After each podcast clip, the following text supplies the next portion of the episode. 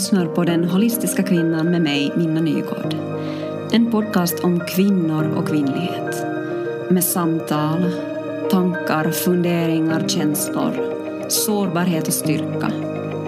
Om allt som en kvinna kan vara, och lite till.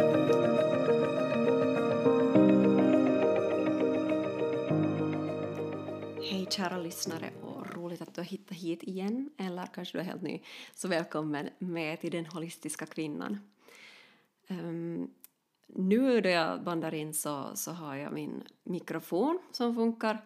När vi spelar in så hade jag just uh, bytt dator och hade inte hoxat på det att uh, det fanns inget sån här större USB plug-in så vi fick klara oss helt enkelt utan mikrofon och spela in direkt i datorn så därför så kan det här ljudet ljudet var lite sådär ja, det kunde vara bättre ska vi säga så.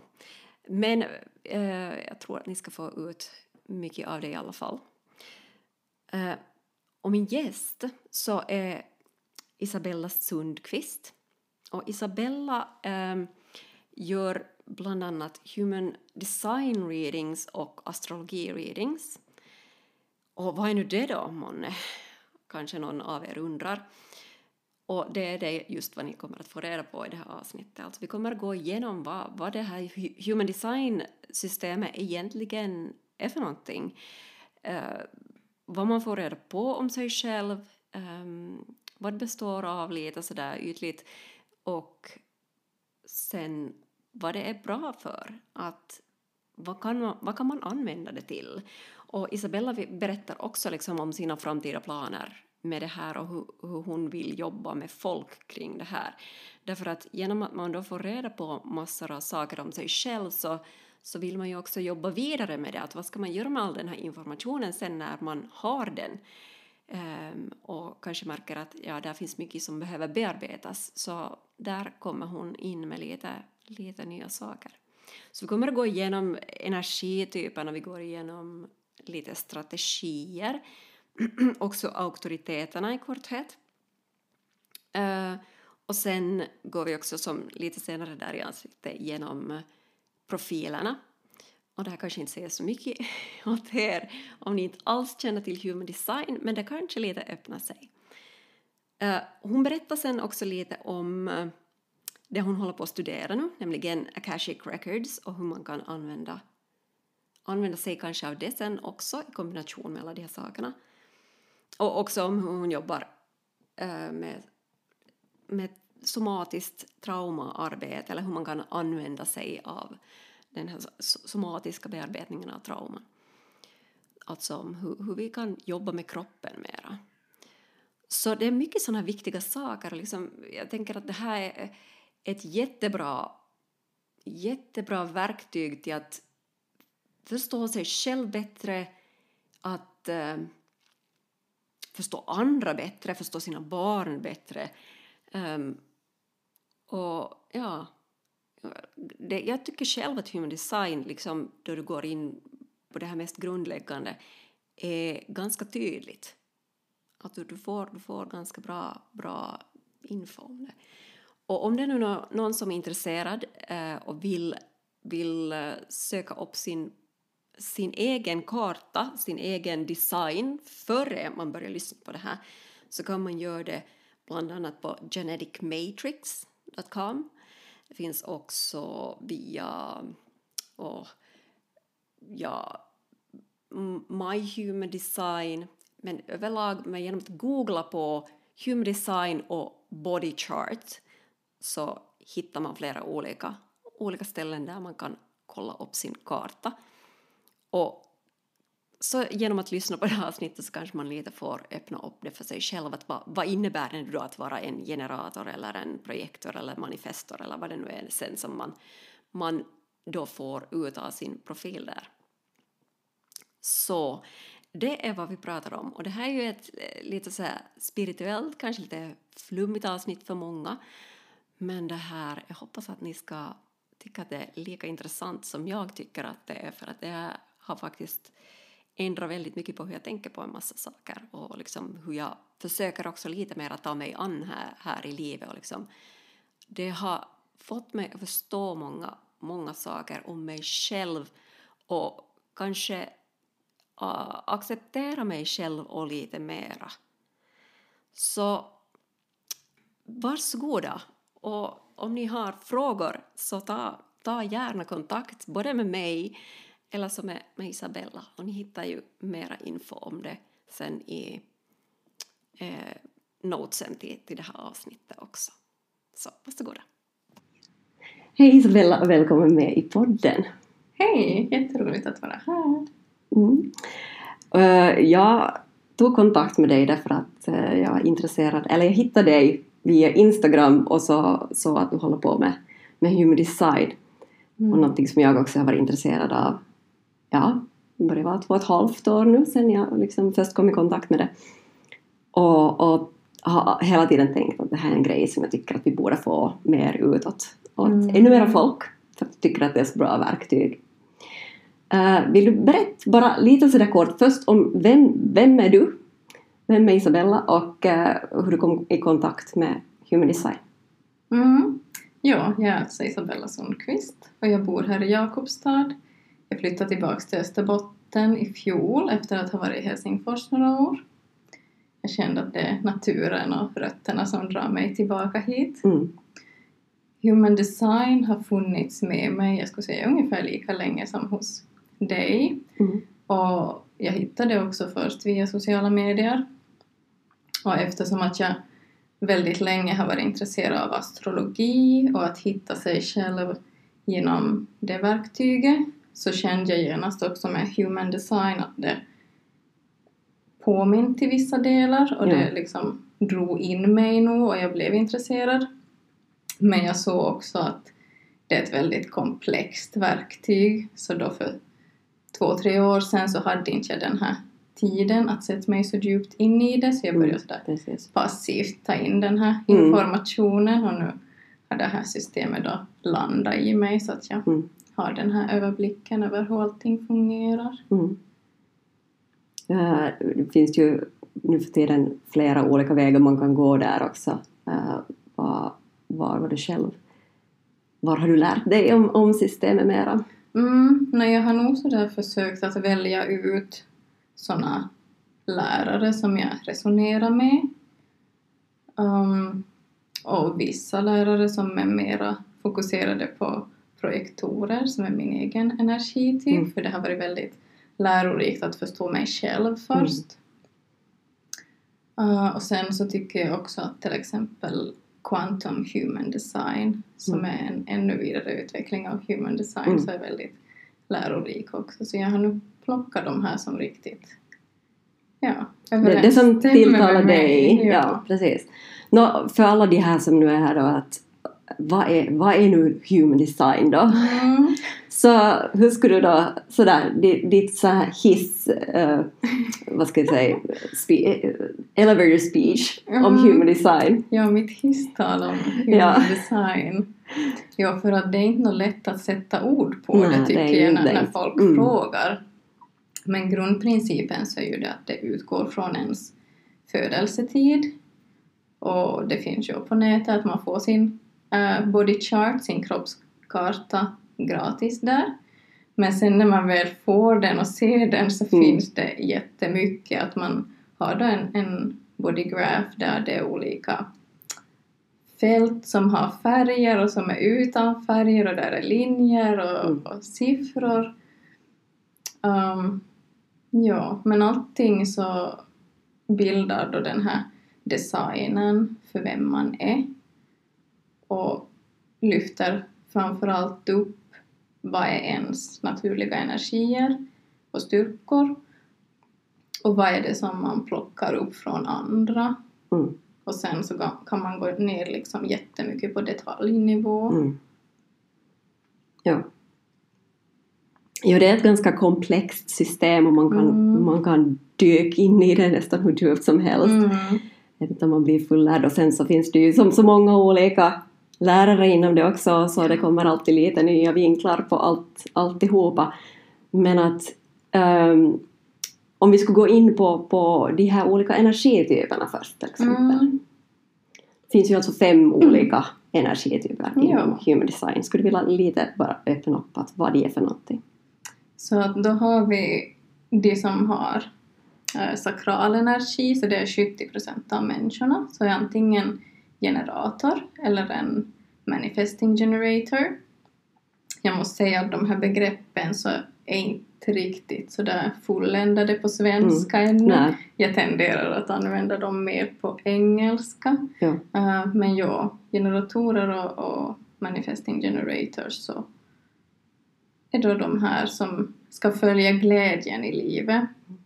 Och manifesting generators har en tendens att uh, gå fram lite snabbare i livet och att hoppa från sak till sak och generatorer så har kanske mer någonting som de brinner för under en längre tid men viktigt är i alla fall det där att följa glädjen, att mm. våga göra det för att då kan de åstadkomma nästan hur mycket som helst mm. eftersom att de är de människorna som har kontinuerlig energi i sitt system och det är väldigt viktigt för dem också att använda upp den här energin under ja. dagen att gå och sova när batteriet är tömt.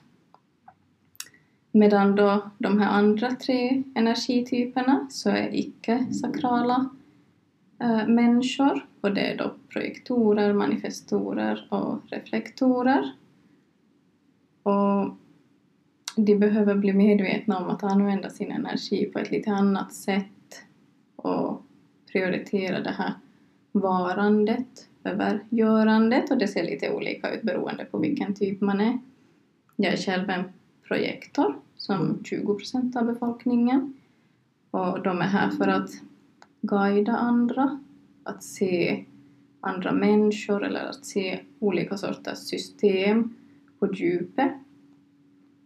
Så att sen så kan de, när en projektor förstår ett system eller en människa på djupet så kan de guida andra till att använda sin energi mest mm. effektivt. Och manifestorer så är 10 procent av befolkningen.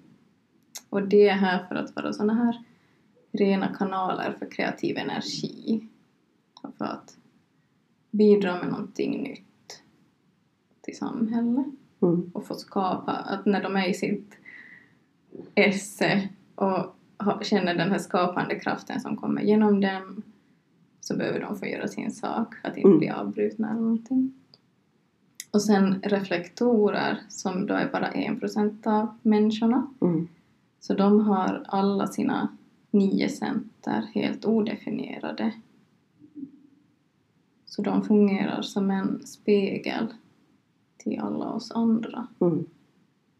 Och de behöver känna efter väldigt mycket sådär att vad, vad passar dem och vad vill de ta in i livet eftersom att de reflekterar allting utåt sen också. Mm. Ja. ja, sådär i korthet. ja.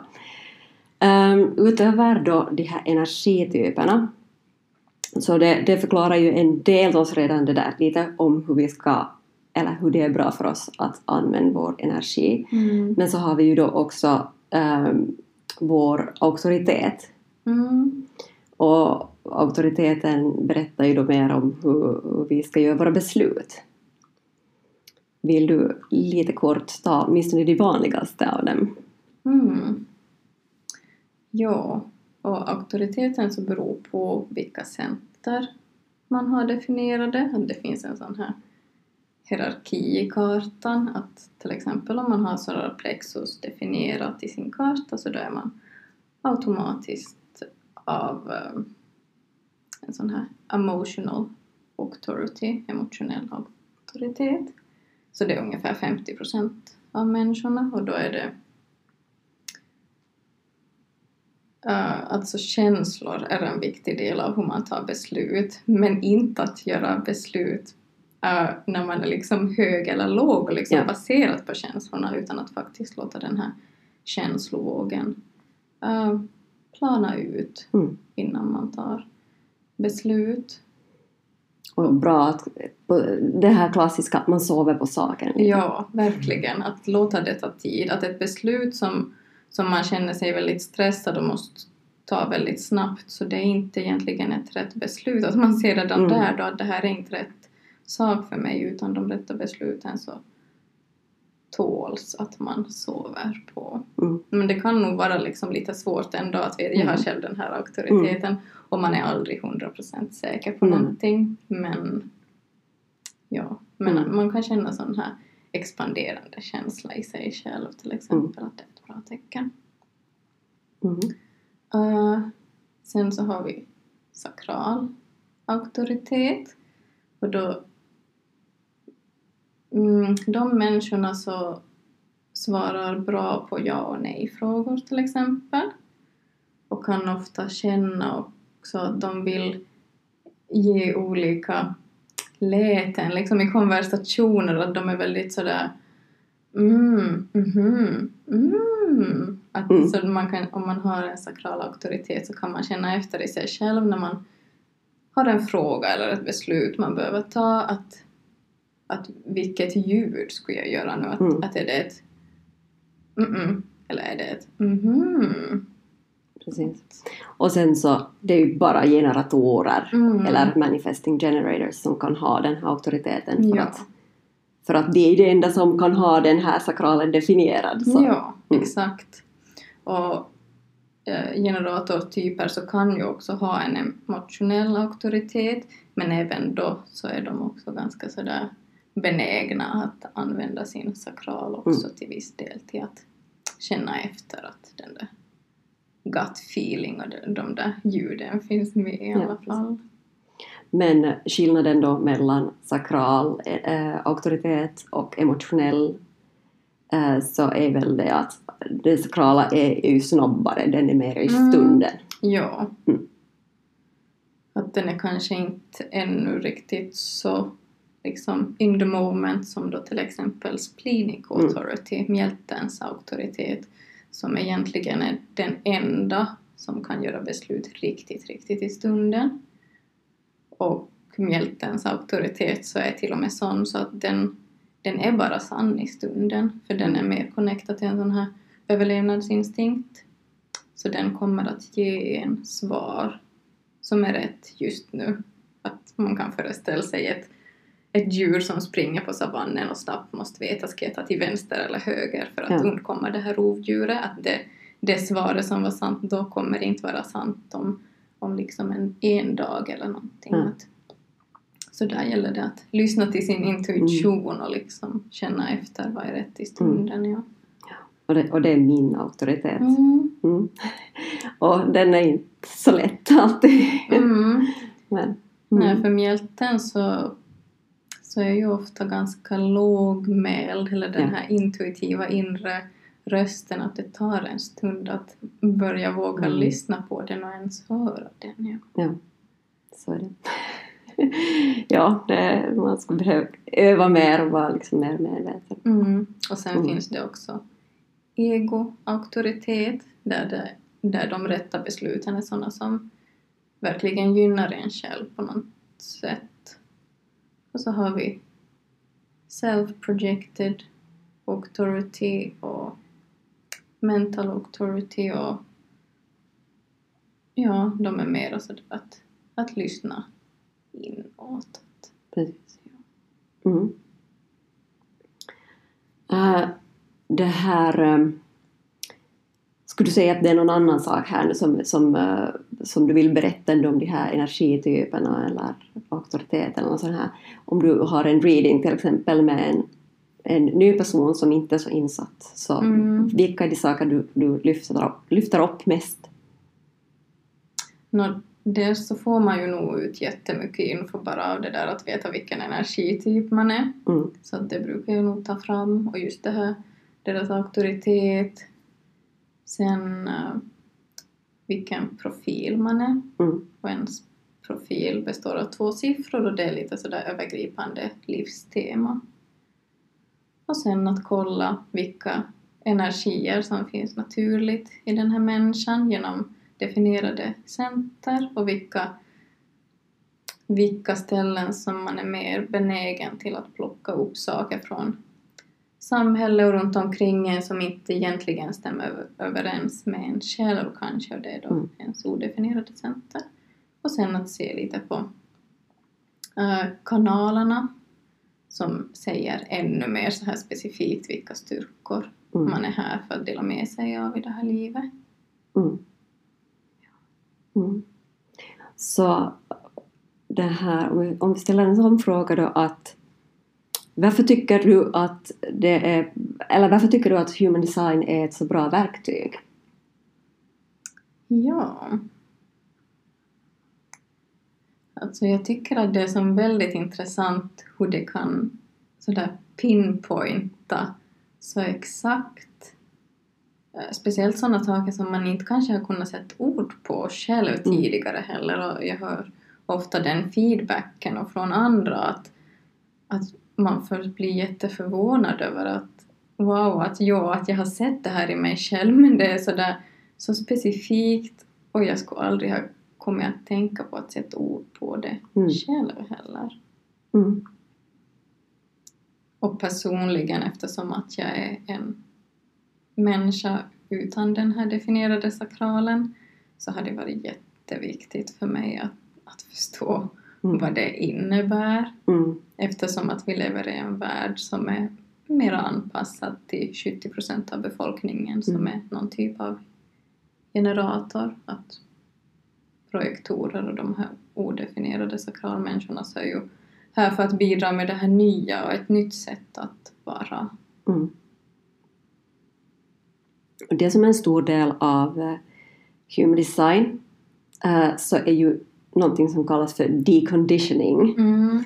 Jag har också hört en lärare som jag mycket hör på som kallar det för reconditioning, alltså att mm. vi åter um, vi, vi skapar nya liksom, sätt att vara mm. hellre än att bara ta bort det gamla. Ja. Men liksom, vill du lite förklara vad, vad deconditioning då kan liksom innebära? Ja. ja, för jag tycker ju för det första borde vi ha ett ord på svenska ja, för absolut. det.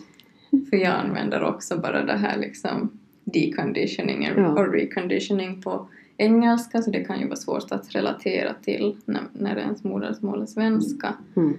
Men ja, det handlar ju om att bli medveten om vad man har plockat upp liksom sen hela ens uppväxt och genom livet från föräldrar, skola, samhället, alla man har runt omkring sig. För att all påverkan så är ju inte sånt som uh, gynnar en och som finns naturligt i en. Men att ens liksom bli medveten om det där mm. att att vad är inte jag mm. egentligen så hjälper ju nog väldigt mycket men det kräver ju en del soul searching att mm. ens hitta det där att vad är inte mitt sanna jag och men där är ju förstås mm. human design ett, ett jättebra verktyg just därför att du ser det mm. konkret mm. så att det blir mera, det blir tydligare ja. att du har din karta så att okej, okay, här har jag här har jag vitt, mm. det är här jag tar in. Att, att ja. är det, då, då kanske det blir klart och tydligt att okej, okay, här, den här grejen kanske inte är min utan här har jag liksom bara plockat på mig alla andras mm. grejer. Ja. Mm. Och Ra som skapade det här Human Design-systemet, så hans äh, intention med hela systemet så var ju att, att skaka om människors undermedvetna mm. så att man ska bli medveten om sina, uh, ja, sina blind spots och, mm. och se vad det är man behöver se på.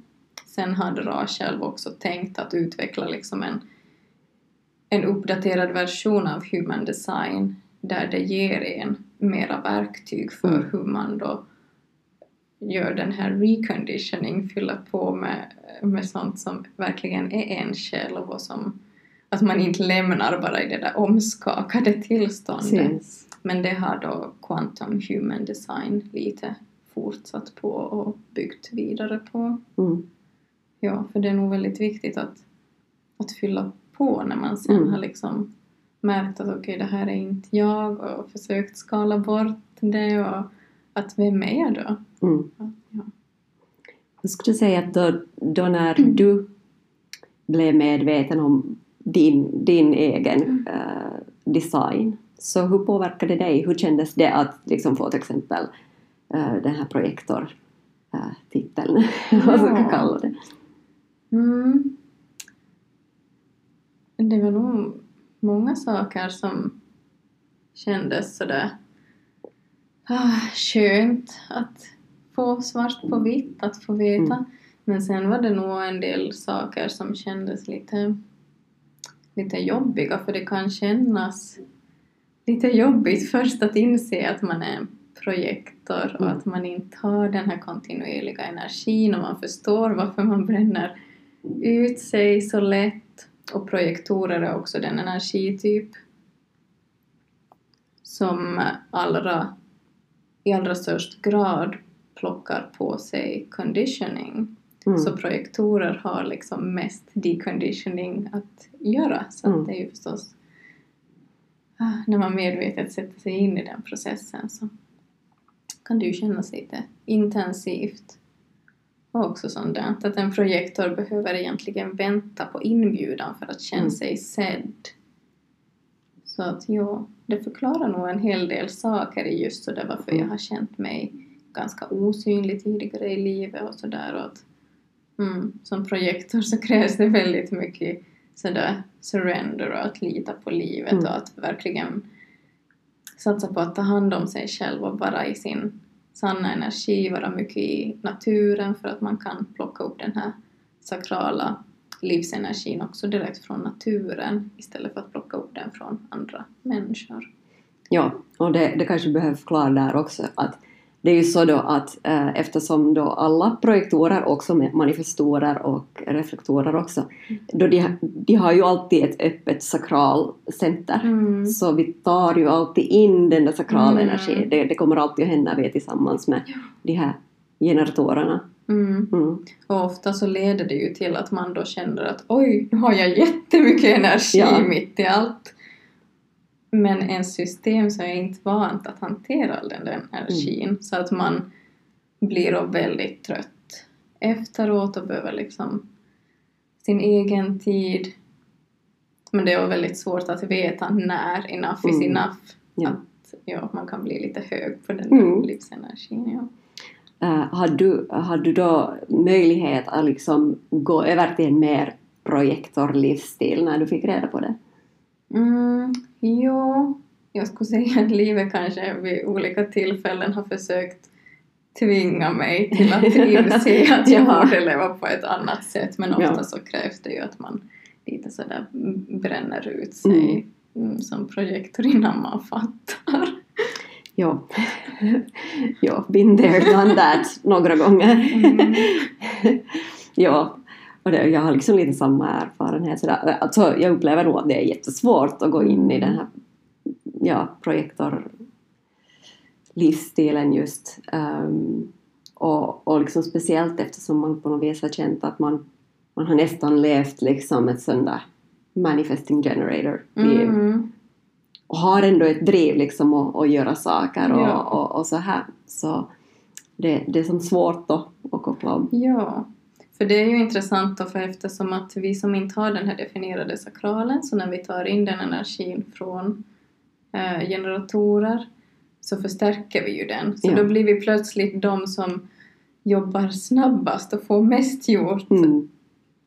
Så att man, så man tror ju då att nej men jo, att jag, jag kan ju det här jättebra, att jag mm. passar ju visst in i det här, mm. Eh, den här rytmen och det här sättet att, att jobba när det egentligen inte är mm. sant för man är inte gjord till att kontinuerligt uh, ha den här sakrala energin i mm. sig och vara tvungen att använda den.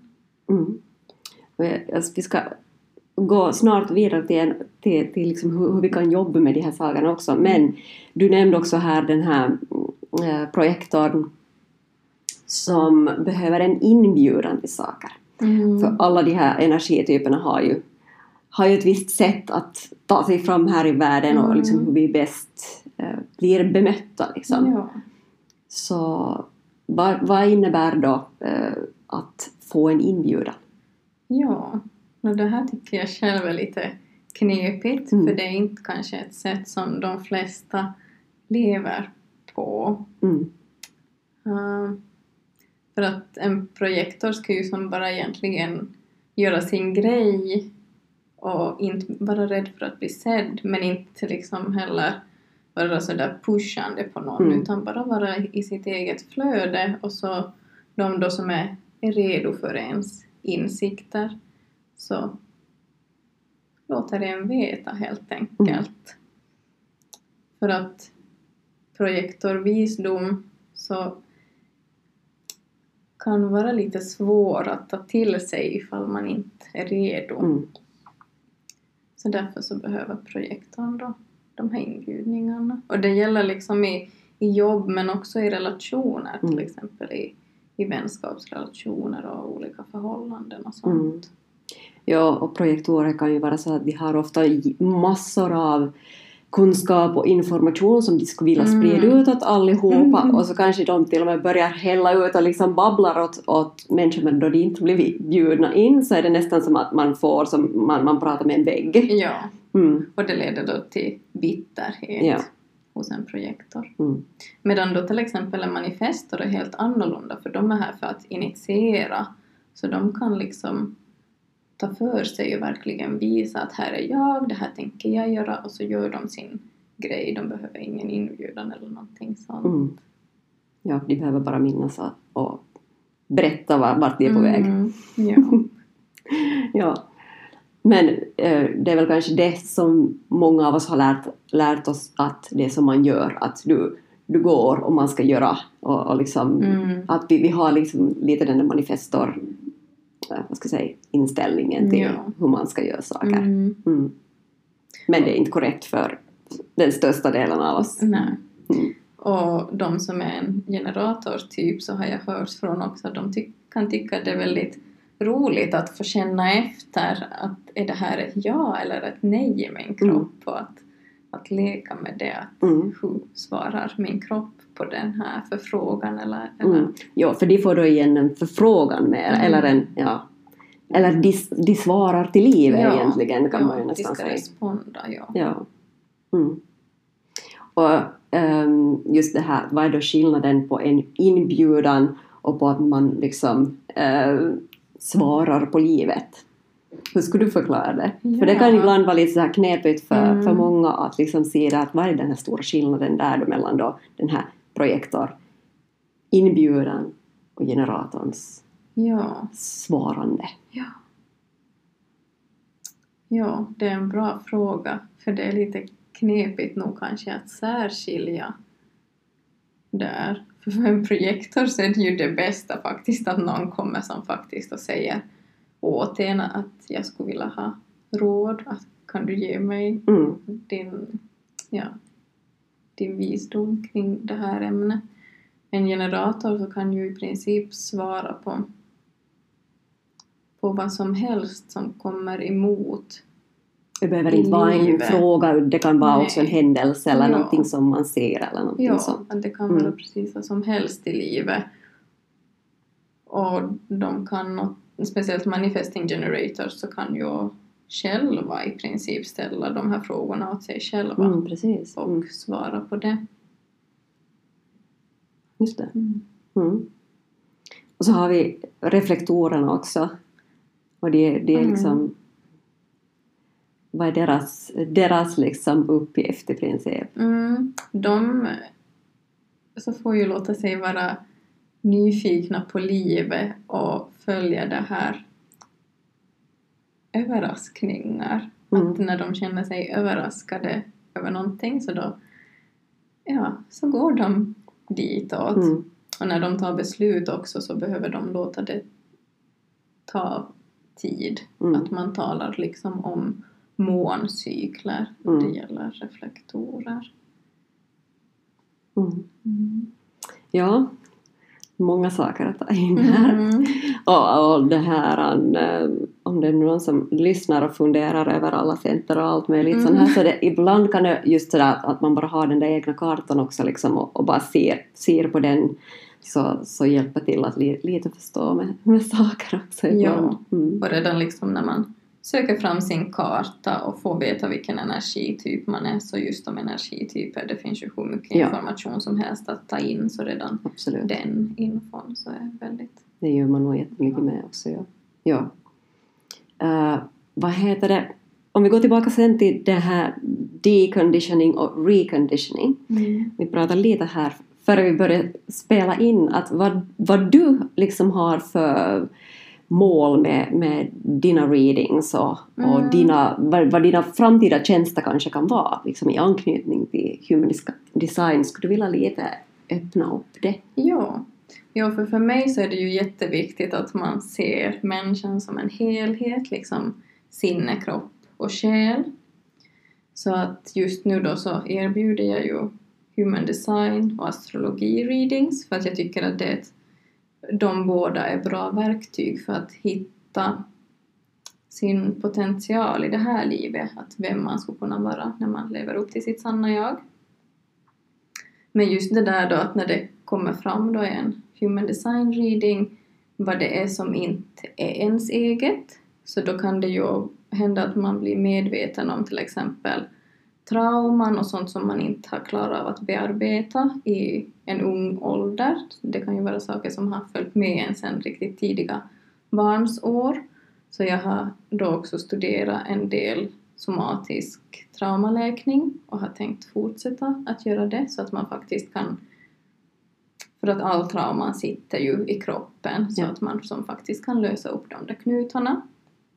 Och så håller jag också på att studera uh, Akashic Record Reading som, Akashic Records så är alltså sånt här eteriskt bibliotek brukar man kalla det där alla ens liv finns samlade så man kan gå in i Akashic Records och se att vad är det som har funnits med mig under en lång tid som jag skulle behöva lösa upp och liksom bli kvitt för att komma vidare i livet.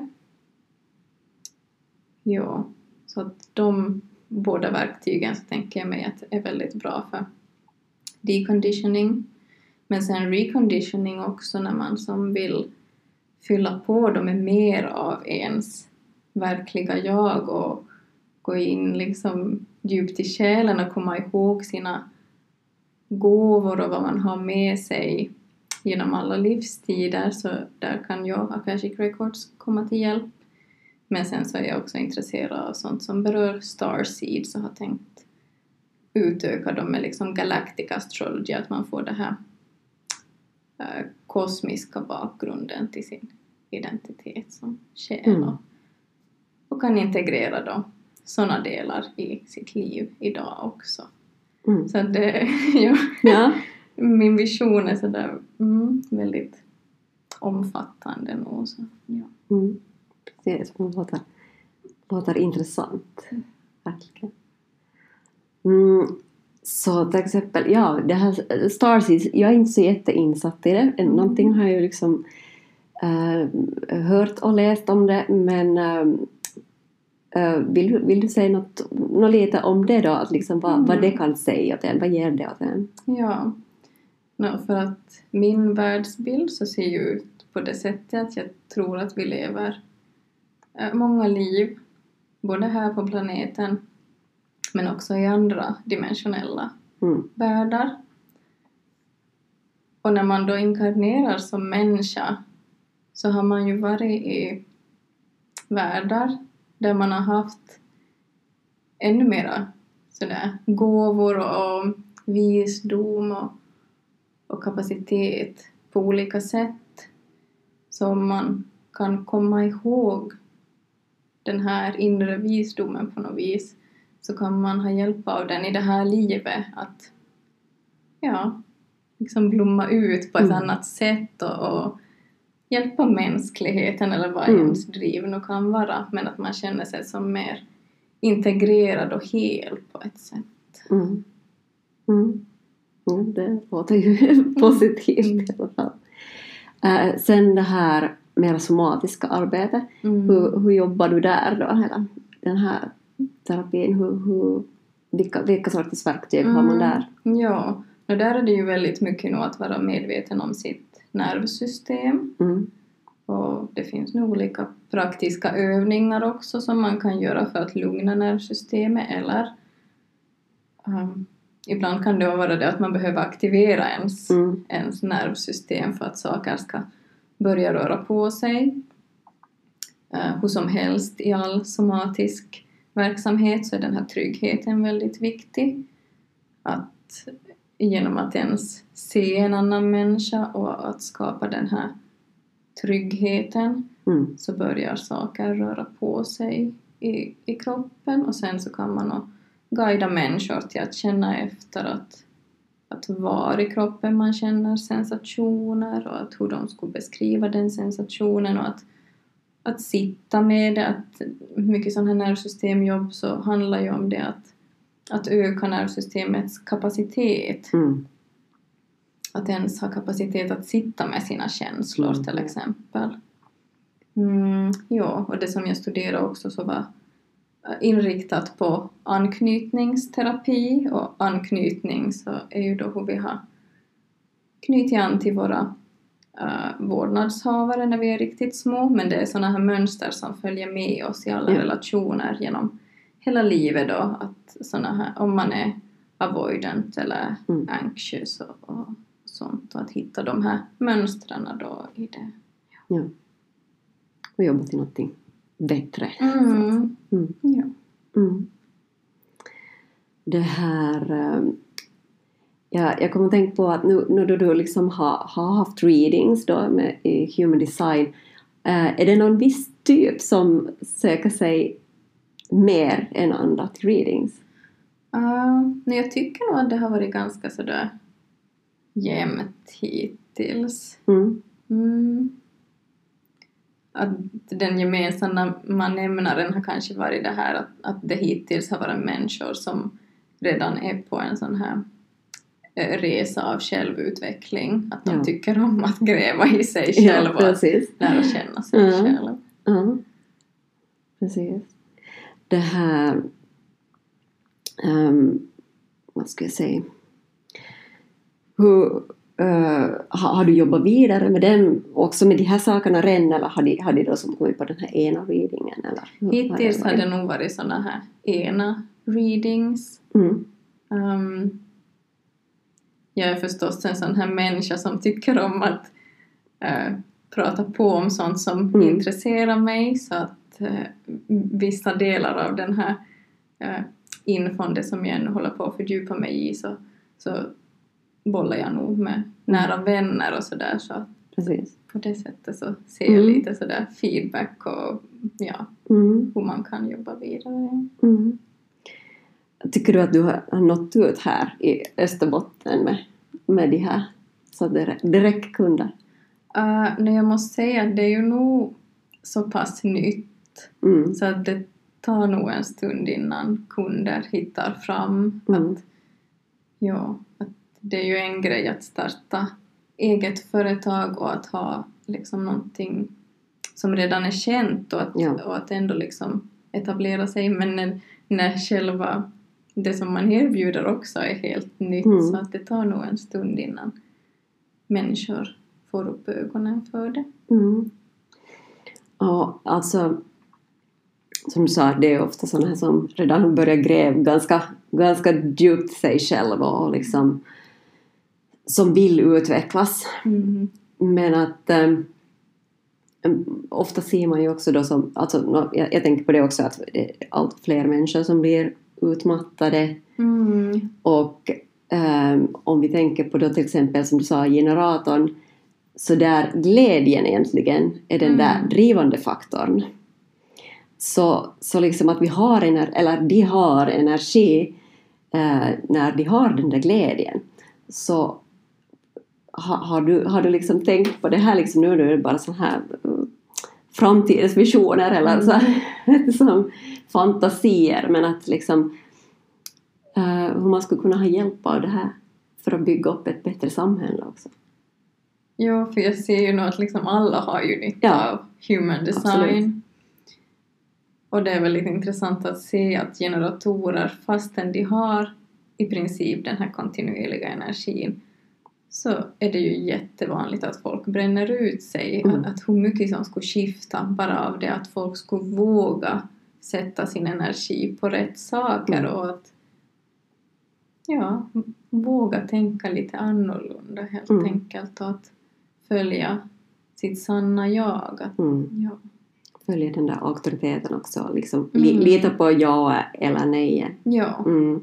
För att just om alla generatortyper, 70% av människorna, följer glädjen så vi övriga 30% som då plockar upp den här sakrala energin så mm. plockar ju upp en helt annan typ av sakral energi när ja, det, det är liksom förstås, en massa ja. glädje mm. i den. Ja. Precis.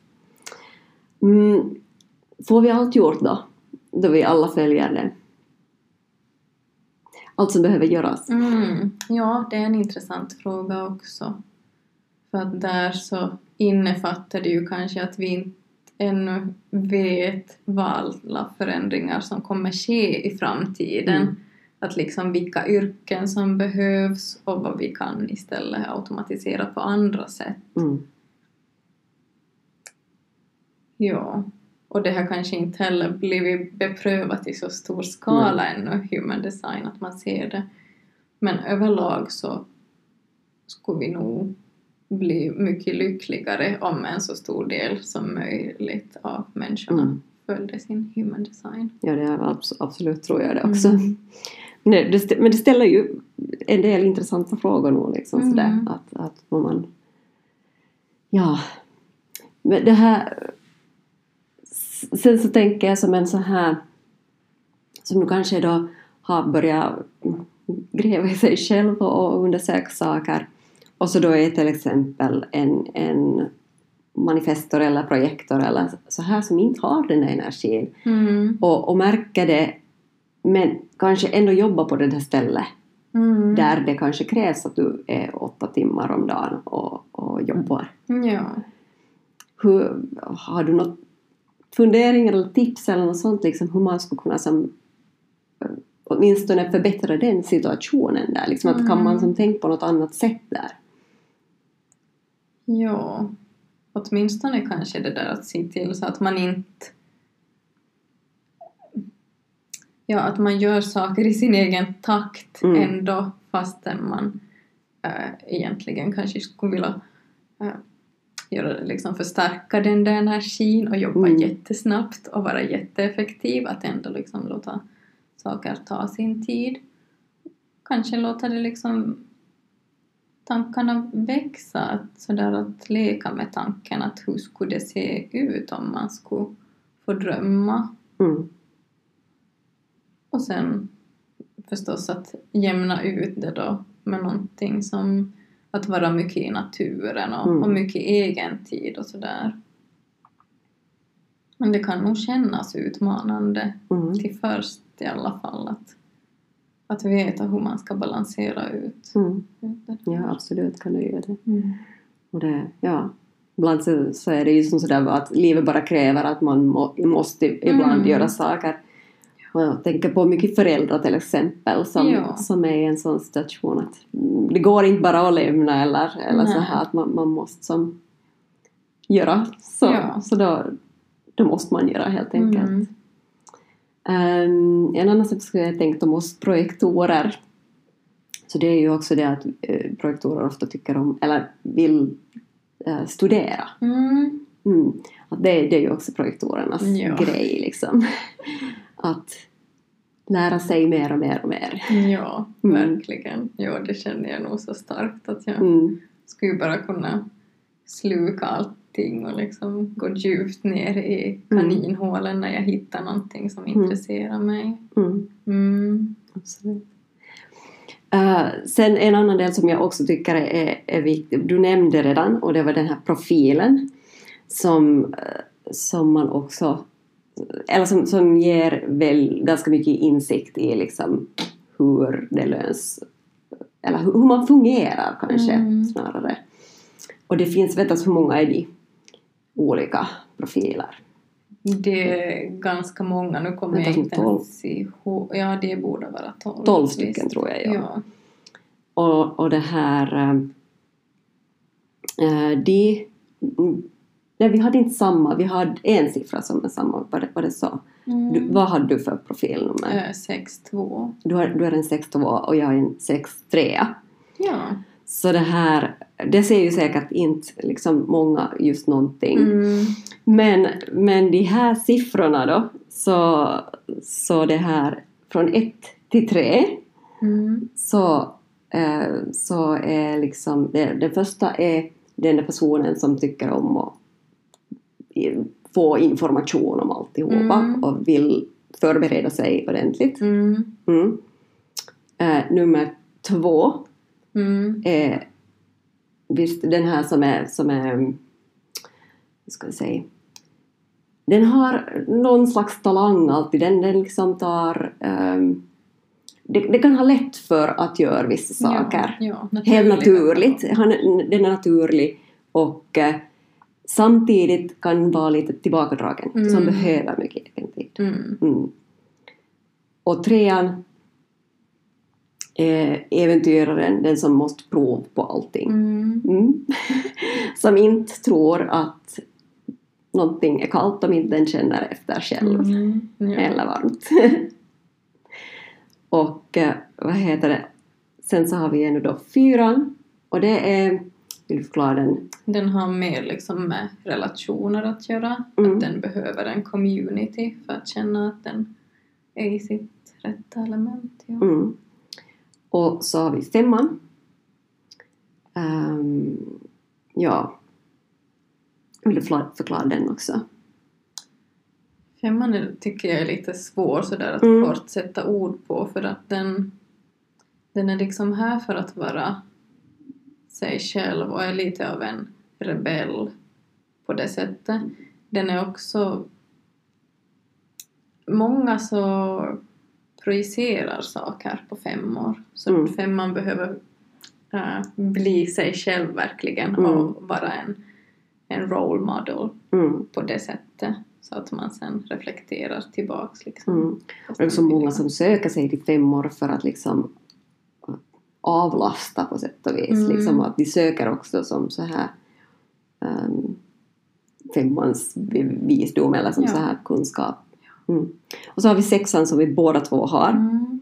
som är tredelad egentligen. Ja. Att man, man har tre olika faser i livet liksom, som, som den liksom uttrycker sig på lite olika sätt. Mm. Och under den där första, första 30 åren ungefär så är den en trea, så Mm. samma sak som att man testar, man, man ja det, det glömde jag säga, man misslyckas också. Mm. Alltså det, det sättet hur man lär sig och egentligen så är alla de här handlar ju också mycket om hur man lär sig Ja. saker och ting. Eh, så ja, och det kan ju vara som ännu mera än vad en van, bara en vanlig trea har. Mm. Ja, det är ganska Ja. mycket som man Ja. ska hinna med under Ja, de första 30 precis. åren i sin Mm. liv. Och det här, ehm, ja, så man, man, man testar och man misslyckas och man lär sig och, och liksom, ja, det är som man tar sig fram Mm. liksom. Eh, och sen kommer man till den där mellanperioden. Mm. Mm. Vad ska vi kalla den på svenska då liksom? Ja, på engelska så säger man ju att man är on the roof, att man Mm. går upp på taket och bara iakttar andra och kanske sådär nu när man under 30 år bara har varit så intensivt i sin egen process så när man sen då i den här perioden mellan 30 och 50 får lite sådär andas ut och se, eller dels integrera sin egen process då och tänka igenom vad man själv har upplevt men också iaktta andra och hur de lever livet. Mm. Och så den där eh, sista delen då ungefär vid 50-årsåldern Mm. som är liksom den här visa, Ja. kloka personen som när man igen då kommer ner från taket Ja. och liksom är mitt i livet och, Mm. och kan vara en, en människa som folk vänder sig till för att man har Ja. samlat på sig och integrerar all den här kunskapen. Och det kallas också för rollmodellen. Ja. Mm. Så att det är då liksom mer mot slutet av livet, liksom den Mm. sista delen som man riktigt integrerar den, Ja. den delen av sig själv. Även om sexor kan känna under hela livet Mm. det här att de har bråttom någonstans, Ja. att de har det här något sorts purpose som Ja. de jagar efter att Absolut. vara en. Femman kan också ha det att de känner att de har någonting viktigt att åstadkomma i livet som de också Precis. jagar efter. Mm. Men alltså profilen då, så den, eh, den eh, består alltid av två, en kombination av två Mm. siffror då.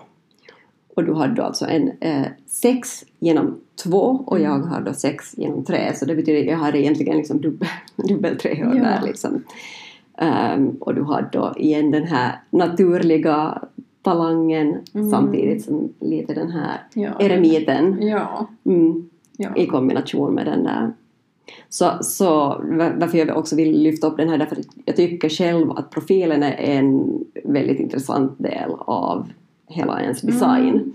För att den, den hjälper en just, just att se liksom att hur är det meningen jag ska lära mig. Till exempel med barn speciellt, mm. att se på dem att okej, okay, är, det, är det bättre att tycka de om att sitta ner och läsa, har de den där ettan mm. eller har de den där trean liksom. Ja. Och att var man kan stödja dem. Så att det, på det viset tycker jag att, att, därför tycker jag att profilen är en ganska sådär um, användbar grej. Ja. Mm. Och överlag så tycker jag det är jättebra att känna till sina barns mm. human design.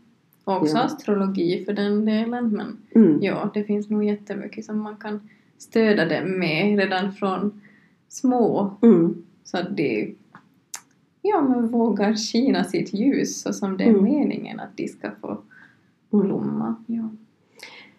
Uh, du nämner astrologi, alltså astrologin är ju också en, en del av human design mm. men vi får ju lite olika information där nog mm. förstås.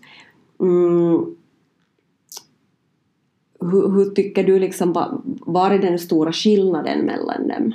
Mm. Jag tycker att human design så är ju kanske lite mer sådär att man som faktiskt konkret kan läsa att den här delen i din karta så betyder det här. Mm. Även om RAS språk, han som har skrivit det ursprungligen, så är väldigt så här metaforiskt och kanske lite svårsmält men i alla fall så är det som väldigt tydligt att astrologi så handlar ju mer om sådär universella arketyper och kan vara mm. lite mer tolkningsbart och att man kan använda sin intuition mera. Det kan man nog i och för sig i human design också.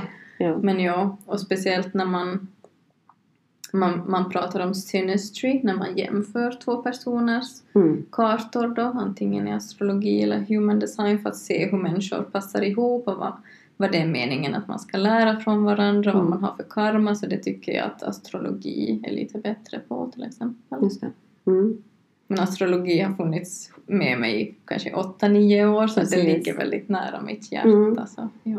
Jag tycker du de kan stödja upp varandra också? Ja, egentligen. jag tycker mm. att det är roligt också att se att var var det riktigt överensstämmer, mm. de här båda kartorna och var det liksom kanske kompletterar varandra på andra sätt. Mm. Ja.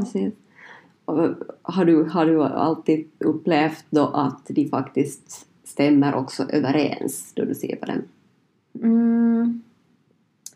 Ja, man fokuserar kanske man ser på de här sakerna från lite olika vinklar. Ja, så, mm. så, att jag tycker att man får som en bra helhetsbild av att se mm. på båda. Ja. Mm.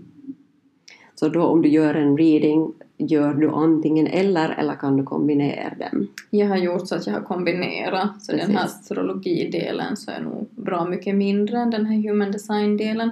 Men jag tycker ändå om att, att lyfta fram liksom vissa mm. delar i, i den astro... Ja, mm. astrologikartan. Mm. Precis.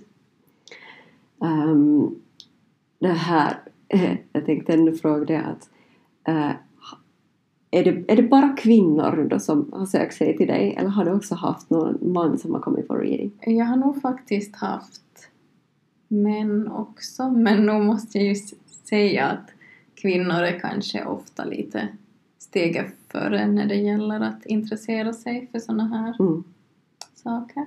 Mm. Ja, Då vi då är i den holistiska kvinnan så vi har väl också, vi har nog manliga lyssnare också, mm. men det här jag önskar också att mera män skulle liksom ta till sig lite av det här. Ja. Och, och se sin, eller som så att de också får ta del av det där och liksom vara i sig själva. Mm. För att no, vi har alla våra roller liksom sådär som vi har fått fått nedärvt och liksom som samhället har satt på oss men att mm. det här är ju också ett redskap till att liksom bryta oss loss från de här mm. no, ja de här patriarkala mm. mm. vad ska man kalla det mm, no. ja, reglerna eller så här hur, hur vi nu har byggt upp alltihopa. Alltså. Ja. Och jag har nog stort hopp för den här kollektiva, nya, hälsosamma maskulina energin som är mm. på uppgående tillsammans med den starka också hälsosamma kvinnliga mm. energin. Mm. Mm. Ja. ja. Men äh, här till, till slut så om någon nu upplever att vi skulle vilja, vilja jobba med dig, hur ska de gå tillväga då? Antingen så hittar man mig via Instagram, mm. Isabella understreck Sundqvist, mm. eller via min hemsida mm. isabellasundqvist.com. Och nu just så har du då alltså de här astrologi och human design mm. readingsen och ja. har du någonting annat också som du erbjuder då? Uh, no, jag håller cirklar ibland mm. och så gör jag också inredningskonsultationer för jag okay. är i grunden inredningsplanerare. Precis. Så att man kan liksom matcha det här yttre så att mm. det stämmer överens med det här inre världen. Uh, och innan årets slut så är det nog Akashic Record Readings mm. som erbjuds också förhoppningsvis. Mm. Och det är fascinerande. Mm. också som en, en relativt ny grej för mig men att mm. så här, lite stött på det här och där men det är jätte, jätteintressant. Mm. Men uh, vi får hoppas att Human Design får ännu mera fäste och så att vi får lära oss mer om oss själva. Men tack ska du ha som var med. Mm. Mm. Tusen tack! Tack för att du har lyssnat till Den holistiska kvinnan. Om du tyckt om det som du hörde så får du hemskt gärna följa mig där du lyssnar på dina podcaster. Och du får också gärna rata den här podcasten, skriva en liten rad om den så får vi mera följare och lyssnare du kan också gå in på Instagram och följa mig på Den holistiska kvinnan. Och om du har frågor eller funderingar eller kanske idéer för gäster eller någonting annat som du vill säga till mig så är det bara att ta kontakt antingen via Instagram eller så kan du mejla, på, mejla mig på denholistiskakvinnangmail.com. Tack för att du lyssnade. Vi hörs igen. Hej då!